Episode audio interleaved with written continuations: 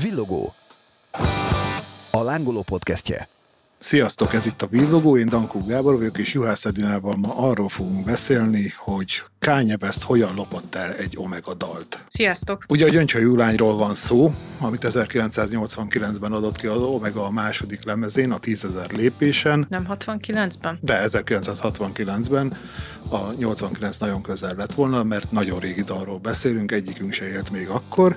Szóval 69-ben kiadta a Gyöngyhajú Júlány az Omega, és aztán 2013-ban ebből balhé lett. Mármint nem abból, hogy kiadta az Omega ezt a dalt, hanem hogy Kanye West ellopta. Fogalmazunk úgy, hogy inspirálódott belőle, vagy, vagy fogalmazunk úgy, hogy újra gondolta, vagy hogy annyira jónak találta, hogy szerette volna új életre kelteni, csak hát nem feltétlenül úgy tette ezt, ahogy az elvárható lett volna így a jogszabályok és egyéb szerzői jogi törvények alapján. Igazából azt hallani, ezt senki nem erősítette meg, ugye Kanye West ezzel kapcsolatban semmiféle nyilatkozatot nem tett, hogy tudták ők, hogy mit csinálnak, amikor ezt a dalt felhasználták, majd elmondjuk, hogy hogyan, de annyira nem érdekelte őket. Úgy voltak vele, hogy ha majd a magyar szerzők szólnak, akkor majd lesz valami, és akkor majd megbeszélik, ugyanis magán a lemezen a dalszerzők között, amikor kijött Kanye Westnek 2013-ban a lemeze, ott volt Presser Gábor és Adam is Anna, akik ugye ezt az Omega számot szerezték. Szerintem nem csak ez lehetett benne, hanem azt azért úgy látni kell, hogy az amerikai és az európai szerzőjogi törvények azok különböznek. Most ebben majd később belemegyünk, de nem annyira részletesen, szóval még senki ne ijedjen meg, hogy miben, de hogy maga ez a sampling műfaja, az nem annyira jól szabályozott dolog, mint hogyha mondjuk egy átdolgozásról lenne szó és valószínűleg inkább ez okozta a problémát, mint sem az, hogy Kanye West egy rohadék, aki nem akart fizetni, vagy nem akart nem volt jó fej lenni, biztos. vagy direkt el akarta hallgatni, hogy mi itt a helyzet. De tegyük hozzá, ez annyira nem is klasszikus sampling, mert viszonylag nagy részét használják fel a gyöngyhajú lánynak. Na de kezdjük az elején, ugye gyöngyhajú Beszéljünk lány. a gyöngyhajú lányról. Igen, 1969-ben, megint 89-et mondtam majdnem, szóval 1969-ben jelent meg a dal a 10.000 lépés című lemezen, ekkor már Presser Gábor egy éve a zenekar tagja volt, sőt igazából kettő azt nézzük, hogy ő 1967-ben is már beszállt hozzájuk, csak aztán egy rövid időre távozott és Presser Gábor lett az a zenekar fő zeneszerzője, Adam és Anna pedig a dalszövegírója. És hát megírták ezt a dalt a második Omega lemezre, amit szerintem bátran nevezhetünk az egyik legnagyobb magyar slágernek. Hát mindenképpen az talán az egyik legismertebb Omega dal, hogyha valakit megkérdezünk, hogy melyik Omega dal ugrik be, akkor nagyon sokan ezt fogják mondani. Jó, oké, nem biztos ilyen petróleum lámpa, meg Az egyébként érdekesség, hogy a petróleum lámpa és a gyöngyhajú lány pont kijött egy közös kislemezen, a két legnagyobb Omega sláger, akkor még nem voltak óriási slágerek, de kijöttek kislemezen. Így lettek, biztos. Az egyik felerősítette a másikat. Igen, és egyébként ugye van a híres Scorpions feldolgozás, a White Dove, ami szintén vitte a hírét ennek a számnak, de a lényeg az, hogy tényleg az egyik legnagyobb magyar slágerről beszélünk. Hogyan találhatott rá erre Kanye West? Kanye Westről úgy hírlik, hogy ő nagyon szeret lemezboltokba mászkálni, és egyszerűen túrja a régi bakeliteket, bocsánat, vinileket, mert úgy kell hivatalosan mondani, bár a magyarok ugye bakelitnek hívják. Szóval túrja a vinileket, és rengeteg kincset talál, amit aztán a producer munkái alatt felhasznál, Ráadásul ugye Kanye Westről egy csomóan nem tudják, hogy viszonylag későn indította be a előadói karrierjét. Ő tulajdonképpen producer volt, és 27 éves koráig nem adott ki lemezt, hanem Jay-Z-nél dolgozott, Jay-Z lemezén dolgozott, aki amúgy nagyon sokat segített benne, hogy elinduljon a színpad felé, de ő egy nagyon jófülű és profi producer volt, majd egyszer csak úgy döntött, hogy jó, akkor már ő is elkezd lemezeket kiadni. Szóval a lényeg az, hogy őről a köztudott, hogy nagyon keresi az újdonságokat, illetve nem is az újdonságokat, hanem azt is, de a régi számokból szeret meríteni ihletet is, illetve fel is használja olykor, mint most így. Szóval ezt úgy képzeljem el, hogy elment egyik nap Kanye West Los Angelesbe, valami külvárosi lemezboltba, ott megtalálta a... Ez sajnos én nem tudom elképzelni, de mondjad, mondjad. Jó állapotban, ó, ez a lemez jó állapotban van, mi ez, Omega, végül is lehetne a következő gyerekemnek is ez a neve, és akkor így hazament, megkérdezte Kim Kardashian, hogy hoztál-e tejet, mondta, hogy nem, mert a lemezboltba voltam, és nézd, találtam ezt a lemezt, jó a borítója is tetszik. Mi volt a borítóján? Tízezer lépésnek. Egy zenekartagok. Na, jól néznek hát, ki, meg minden. Uh-huh, igen, lehet, hogy 69 szemmel jól néztek ki. Na igen. Hát, de hogy ilyen kis retro néz. Na, mind nagyon retro volt. Tehát fura dolgokat írnak rajta, fura dalcímek vannak és akkor így Kim Kardashian ott hagyta, hogy de hát megmondtam, hogy tejet hozzá, nem megint egy ilyen hülye lemezt, aztán... Tegyük hozzá, nem tudom, hogy 2013-ban Kim Kardashian már a felesége Én volt. Én ezt így szeretném elképzelni, tő, lehet, hogy mi csak jártak, de mindegy. Vagy ki volt előtte? Nem tudom. Ruby Rose, vagy Amber Rose? Nem tudom. Mindegy. Kim Na mindegy, szóval én, én Kim kardashian képzelem el, és akkor biztos így elkezdte hallgatni a lemezt, hogy megnézze, hogy hol ugrik, mert hát gondolom egy 69-es lemez így 2013-ra már egy kicsit így itt-ott ugrik, és akkor feltette, és akkor csak azt látta, vagy hallotta, hogy ment a gyöngyhajú lány, és Kim Kardashian hagyma szeletelés közben egy idő után már dúdolázta, hogy és akkor azt mondta, hogy hú, ez jó. És így rákerült Kanye West Jézus című lemezére. Na de térjünk vissza most kicsit. A valósághoz? A, igen, a valósághoz, bár lehet... Sokkal szórakoztatóbb az, hogy én képzelem ezt az egészet, mindegy. Bár lehet, hogy így történt ez a dolog, szóval a lényeg az, hogy akkor már Kanye Westnek, tehát most 2013-ról beszélünk, amikor már kijött öt nagy lemeze, hat nagy lemeze is, ha jól számolom, akkor már kicsit elment az esze. A 2010-es lemezén, a My Beautiful Dark Twisted fantasy azon ugye már kikiáltotta magát, a, nem is magát, hanem a lemezét a világ legjobb lemezének, ami valaha készült. Jó, de most ez valahol érthető, nem? Most valaki úgy álljon hozzá, hogy hát így összehoztam egy ilyen közepesen szar lemezt. Azt úgy mégsem mondhatja egy a sajtótájékoztatókon. Tehát akkor most, ha jól veszem ki a szavaidat, Kanye West gyakorlatilag csak kimondta azt, amit minden zenész gondol a saját lemezéről. Hát igen. Most jó, oké, a Jézus az is dolog, a, igen, igen. Az, az lehet, hogy ez már kicsit ott túlzás, meg azt már kicsit túltolta, de hát most tényleg, most az, hogy ő lemeze a világ legjobb lemeze, hát na, hát most miért gondolhatta volna így? Hát ő így is gondolta, és ki is adta, és ráadásul a kritikusok is úgy gondolták, hogy ez egy borzasztóan jó lemez, mert a Pitchfork, ami talán... Igaza volt, megmondta. Tehát ez, hogyha mondasz valamit, előre elmondott, hogy mit kell róla gondolni, akkor lesznek emberek, akik azt gondolják. Szóval a Pitchfork az 10 pontot adott rá, pedig nagyon kevés lemezre a 10 pontot és lehet, hogy emiatt is kicsit elszállt az aja, és elkezdte magát Jézusnak hívni, Jézusnak. Oh, 10 pontot adott a Pitchfork, most én Bizony. vagyok a Jézus. Szóval 10 pontos lemez volt, ő meg Jézusnak kezdte el hívni magát, és még 2013 előtt 2011-ben összehozott Jay-Z-vel egy közös lemezt, de aztán már annyira Jézusnak hívta magát, hogy ezt adta a következő lemezének a címének is, ami egyébként zeneileg majd hogy nem teljesen kifacsarása volt annak, amin ezen a nagyon nagyon magasztalt lemezen művet, mert az egy ilyen nagyívű mű, borzasztóan helyén van minden, hát jó, most jó slágerek ez vannak Nyilván, rajta. tehát ez meg ebből jön, hogy most egy Jézushoz nem illenek az ilyen kis hülyeségek. Nagy Mint ami... műnek kell lenni. Hát igen, az nagy évű mű volt, viszont a Jézus című lemeze már nem volt nagy évű mű. Tehát ja, az egy teljesen... Tehát az előző lemeze az egy 70 perces album volt, a Jézus című lemeze, mondjuk magyarul, a Jézus című lemeze az pedig 40 perces volt, ráadásul egy ilyen, ugyan hip-hop volt rajta, de ilyen borzasztó, zajos, teljesen széttorzított, experimentális módon előadott valami, ami még sláger se volt, illetve volt, de egy sláger volt, a Gyöngyhajú lány, ami a New Slaves című számba jelent meg egyébként az albumom. A Jézusom? A Jézus című albumom, igen. Tehát ezen a hozzáállásban kimerem jelenteni, hogy ez egy punk lemez, szóval ezen a punk lemezen jelent meg a Gyöngyhajú lány felhasználása.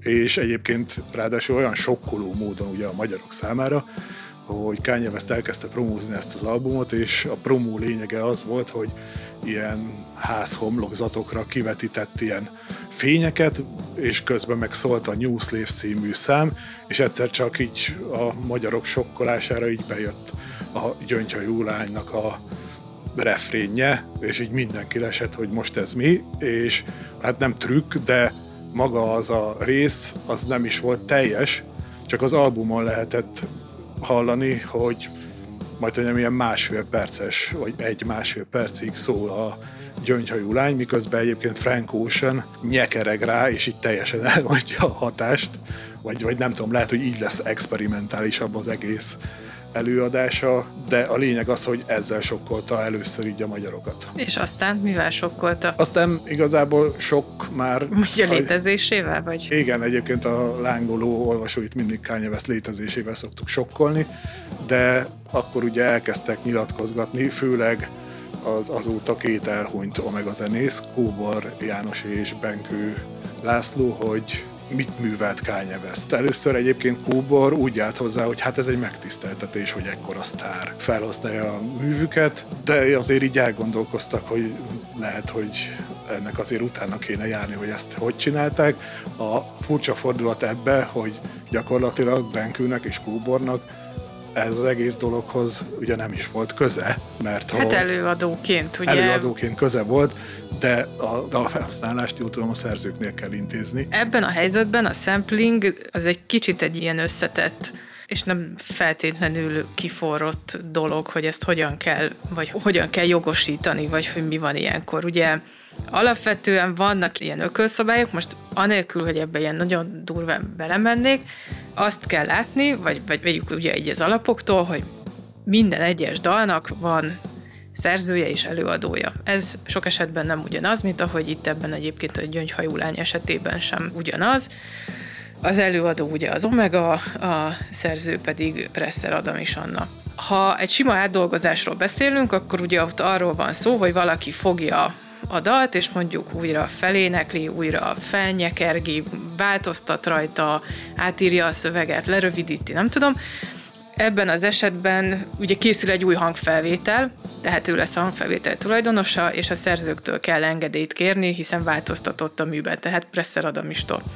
Itt ugye azzal van az egész megbolondítva, hogy az eredeti hangfelvételt is használták, ami ugye azért érdekes, mert abban az időben a kiadók többsége olyan szerződést kötött az előadó művészekkel, hogy a hangfelvétel jogok azok a kiadónál maradnak. Tehát most a 70, 60-as, 70-es évekről beszélünk. Igen, igen. Ez, ez mi most is egyébként így működik, vagy most is van, de most már van nagyon sok olyan előadó, aki nagyon kiáll magáért és a hangfelvételeért, és azt mondja, hogy ő szeretne a jogtulajdonos lenni, ami jelen esetben, vagy ebben az esetben azt jelenti, hogy vagy azt a kérdést kérdést veti fel, hogy ki az, aki engedélyt adhat például egy ilyen sampling felhasználásra. A sampling felhasználásnak konkrét definíciója nincsen, mert hogy egy ilyen nagyon szerteágazó lehet. Az az egésznek a lényege, hogy fognak egy dalból egy részletet, azt belerakják egy másik dalba, és kicsit még így digitálisan módosítgatnak rajta. Ugye itt meg kell nézni azt, hogy eredendően milyen műről van szó, az védelem alá esik-e, ez alatt azt kell érteni, hogy mondjuk ha a régi dal, tehát az utolsó szerző halálától számított 70 évnél régebbi dalról beszélünk, akkor nem engedélyköteles, tehát szerzői oldalról nincsen probléma, de ekkor is van hangfelvétel oldal, attól függően, hogy melyik hangfelvételt használták, hiszen egy dalnak számtalan hangfelvétele lehet. Meg kell nézni azt, hogy milyen hosszúságú, vagy milyen terjedelmű művet, tehát a műből milyen terjedelmet használtak fel. Ez nem azért, mert vannak ezek az ilyen városi legendák, hogy nem tudom, három hangig, meg hat hangig, meg nem tudom, nem engedélyköteles. Igen, 30 másodpercet is. Igen, de, de hogy itt amikor, ugye, igen. igen, volt ez a 30 másodperc is, de hogy az az ökölszabály, hogy ha fel lehet ismerni, akkor onnantól kezdve már engedélyköteles. Tehát nem lehet azt mondani, hogy fú, figyelj, ez a hang, ezt nézd, nekem is van egy olyan dalom, amiben pont ez a mit tudom én, C hang van, úgyhogy akkor most a biztos loptál tőlem. Nyilván ez nem működik, de hogyha már fel lehet ismerni, hogy itt a, a gyöngyhajúlájról van szó, és itt azért eléggé fel lehet ismerni, hogy a gyöngyhajúlájról hát, van konkrétan szó. ott a dal, igen. Így ez nem kérdés, hogy ez engedélyköteles. Ugye azt is érdemes tudni, hogy az európai és az amerikai megközelítés az egy kicsit más. Az európai az kiáll a, hát hívjuk úgy, hogy a mű integritásához való joga mellett, ami magyarról magyarra lefordítva azt jelenti, hogy, hogy tulajdonképpen ugye itt az történik, hogy megcsorbítják a szerzőnek a művét valahogyan, tehát kivágnak belőle egy részletet, azt más műbe rakják, ott még kevernek rajta, szóval hogy valami változás történik, és az európai szabályozás azt mondja, hogy ilyen helyzetben nem kérdés, hogy meg kell kérdezni az eredeti szerzőt, hogy ő erre áldását adja-e. Ugye az itt amerikai a, ennél megengedőbb? Ennél megengedőbb, és ugye felmerül az is, hogy az eredeti szerzőnek, igen, az eredeti művésznek ez a sampling, ez ilyen hátrányos megítélést jelente. Ugye ezt, hogy... Ez... Igen, a magyar hallgatók szerint a kányevez felhasználása hátrányos megkülönböztetés. Igen, ez azért egy ilyen nehéz dolog, mert hogy most mit nevezünk hátrányos megítélésnek? Ugye alapvetően, vagy az az ilyen megint ilyen ökölszabály, hogyha a szerző becsületére, hírnevére ez rosszul hat, akkor igen, az hátrányos megítélés. Most hát az, hogy Kanye West felhasználja egy dalomat, az sokak esetében valószínűleg azt mondják, hogy ez baromi jó, de nagyon sokan azt fogják mondani, hogy hát ez az én hírnevemnek a tönkretétele, hogy ráadásul az, hogy még ott Frankó sem nyekereg rá, az meg aztán végképp. Igen, a lángoló kommentelői így gondolják, hogy ez, ez borzasztó hírnévtönkletétel volt. Alapvetően arra is azt mondtam, hogy amikor ilyen stílusváltás történik, hogy az is lehet alkalmas erre, hogy ö, rossz fényben tünteti fel, de hát ott nyilván arról van szó, hogy most attól, hogy egy romantikus dalt black metalba ültetnek bele, az még nem feltétlenül jelenti azt, hogy ott a szerzőnek a hírneve csorbát szenvedett,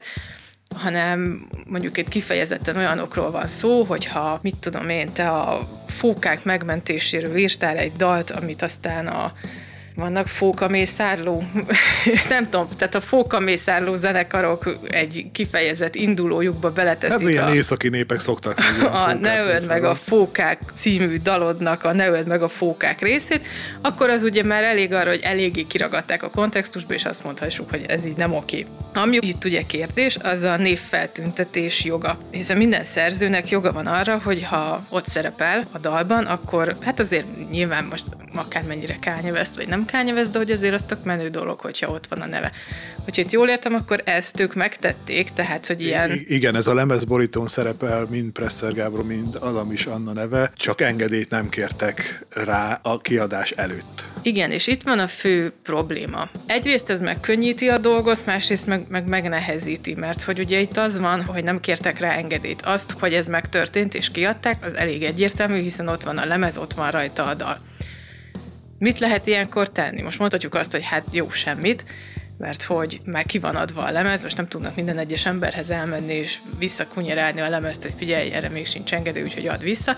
Tehát nyilván ez nem működhet. És ugye ilyenkor jön az ilyen egyezkedés, amikor ilyen egyértelműen megállapítható, hogy jogsértés történt, tehát az a mű felismerhető, hogy az a, az Omegának a dala nem kértek rá engedélyt, viszont ott van, és senki nem mondta azt, hogy oké, okay, akkor ez teljesen ilyen szempontból egy egyértelmű helyzetnek kell, hogy legyen. Igen, és egyébként jelen esetben is ez volt. Tehát senki sem vitatta azt a Kanye West menedzsmentjének a részéről, vagy Kanye West részéről, nem tudom, hogy ő ebbe egyáltalán belefolyt ebbe az egész dologba, hogy itt már pedig ők nem kértek engedélyt elsősorban, ugye, egy jogtalanul felhasznált dalhoz. Igen, és ugye itt az a kérdés, hogy valószínűleg, hogyha engedélyt kérnek rá, akkor azt mondják, hogy jó, oké, persze így csináljátok, de mivel itt nem történt ez meg, és nyilvánvaló a jogszegés, így felmerülhet az, hogy valami fajta kártérítést kapjon az az illető, akinek a sérelmére ezt elkövették, tehát ugye Presser Adam is. Igen, és az, hogy pontosan bíróságra mentek de úgy emlékszem, igen, New Yorki bírósághoz fordultak az ügy miatt, és ott végül tárgyalásra nem került sor, mert peren kívül megegyeztek, hogy kányeveszték XY összeget fizetnek, és akkor mindenki boldog. És egyébként ez meg is történt, az, hogy mekkora az összeg, azt ugye nem árulja el senki, igazából lényegtelen is ilyen szempontból. A lényeg az, hogy pozitívan végződött az ügy, bár a lángoló kommentelői szerint nem, mert továbbra is Omega lopónak, meg nem tudom minek titulálják Kanye Westet, de a lényeg az, hogy hát kicsit furcsán intézték ezt a dolgot, hogy kiadják, aztán majd lesz valami, lett, kellett fizetni érte, de ez Kanye Westet a milliárdosságában nem igazán csorbította meg. De egyébként az Omega, meg Presserék nyilatkozatok alapján akkor tulajdonképpen örültek neki, csak az ügyintézés menete volt az, ami annyira nem Igazából tetszett. igen, ugye először Kóbor azt mondta, hogy hát nem csinálnak semmit, mert hát micsoda megtiszteltetés, hogy egy ekkora sztár felhasználja. Benkő már jobban morgolódott, hogy ezt így nem kéne. Igazából Presser Gábor teljesen ilyen érzelemmentesen állt a dologhoz, jogtalanul felhasználták a dalát, fizessenek fizettek, kész, az ügy le van zárva. Tehát ő ezzel nem is igazán foglalkozott ennél többet. Egyébként hasonló eset történt Kovács Katival is, ott a Krisztina Aguilera használta fel az Ad már uram az eső című dalából egy részletet, és ott azt mondta egyrészt Kovács Kati is, meg Kovács Tibor szerző is, hogy ők baromira örülnek ennek az egésznek, és tök nagy megtiszteltetés. Ott ugye az volt, hogy a Krisztina Aguilera lemezén ott volt a név, és azt is, hogy a Hungaroton, tehát hogy ott valószínűleg legalább a, bár ezt nem tudom pontosan, de valószínűleg a hangfelvétel oldalról kértek engedélyt, de hogy ott a szerző azt mondta, hogy ő baromira boldog, hogy a Krisztina Aguilera lemezén ott van az ő szerzeménye. Ez volt a kányevesztes adásunk. Nem tudom, jövünk-e még kányevesztes bűntényekkel, nem tudok kányevesztes bűntényt, se volt Még, akkor. még, de most igen. költözött a volt feleségével szembe. Hú, És amint te nagyon házat. kiborultál. Én azon nagyon kiborultam. Akkor mondd is Szerintem el nem most dolog volt. zárásként, hogy mi történt most. Ezt nem írtuk meg sajnos a lángolón, nem tartottam annyira fontosnak, de Edina teljes mértékben kiborult az ügyön, amit most elmond zárásképpen. Kanye West, ugye, és Kim Kardashian, ők egy pár voltak. Egyébként most úgy tűnik, mintha én ilyen nagy Kanye West és Kim Kardashian életének ismerője lennék, de hogy annyira... Én Kanye West rajongó vagyok, igaz, hogy full bolond a csávó, de a, amit így a zenével művel, az a említett lemezig, ahol ellopta az Omega dalt, az hibátlan. Na mindegy, én nem vagyok Kim Kardashian rajongó, se Kanye West. Na mindegy, szóval, hogy ők egy pár voltak, aztán elváltak. Az egyiknek lett új pasia, mármint, hogy Kim Kardashiannak, Kanye Westnek elvileg van új barátnője, és Meg elvileg... barátai, mint Justin Bieber, Marilyn Manson, Da Baby, ilyesmi. Szóval új baráti kört alakított ki magának, de visszaadom a szót. És hát ugye a vállás az azzal járt már egy ideje, hogy elköltözött Kim Kardashianéktól, ott hagyta a házat, ott ugye ők boldogan élnek, vagy kevésbé boldogan, azt nem tudom, a gyerekeikkel és az új pasiával, és Kanye West kitalálta, hogy mennyire jó ötlet lenne, hogy ha megvenné a velük szemközti házat, ezt olyannyira meg akarta valósítani, hogy a piaci ára még rá is ígért egy Hát igazándiból szerintem egy ilyen budapesti belvárosi ingatlan árát még hozzádobta, hogy akkor mindenképpen az övé legyen ez a ház. Ami egyébként nem is ilyen nagy villa. Tehát ami képeket lehet látni rajta, maga a ház, nem tudod oda képzelni Kanye Westet abba a házba. Egy ilyen teljesen átlagos, viszonylag kis ház ahhoz képest, hogy egy milliárdos rapperről beszél. De mindegy, a volt feleségével szembe van, akinek ugye erről nem szólt, hogy egyébként így mit szólnál ahhoz, hogyha ide költöznék, a szembe szomszédod lennék, hanem csak úgy ezt így megvette, szóval, hogy ott nem feltétlenül értem, hogy minek, hiszen ott fog állni és nézi a konyhából, ahogy így az új pasi módon. nyírja a füvet, vagy, vagy hogy így a gyerekekkel játszik, vagy majd integetnek egymásnak, mikor kihúzzák a kukát, vagy szóval, hogy nem annyira értem, de A lényeg az, hogy Kanye West, Fura. igen, mint az utóbbi pár évben teljesen elmerodjant. Köszönjük a figyelmet, sziasztok! sziasztok! Ez volt a Villogó,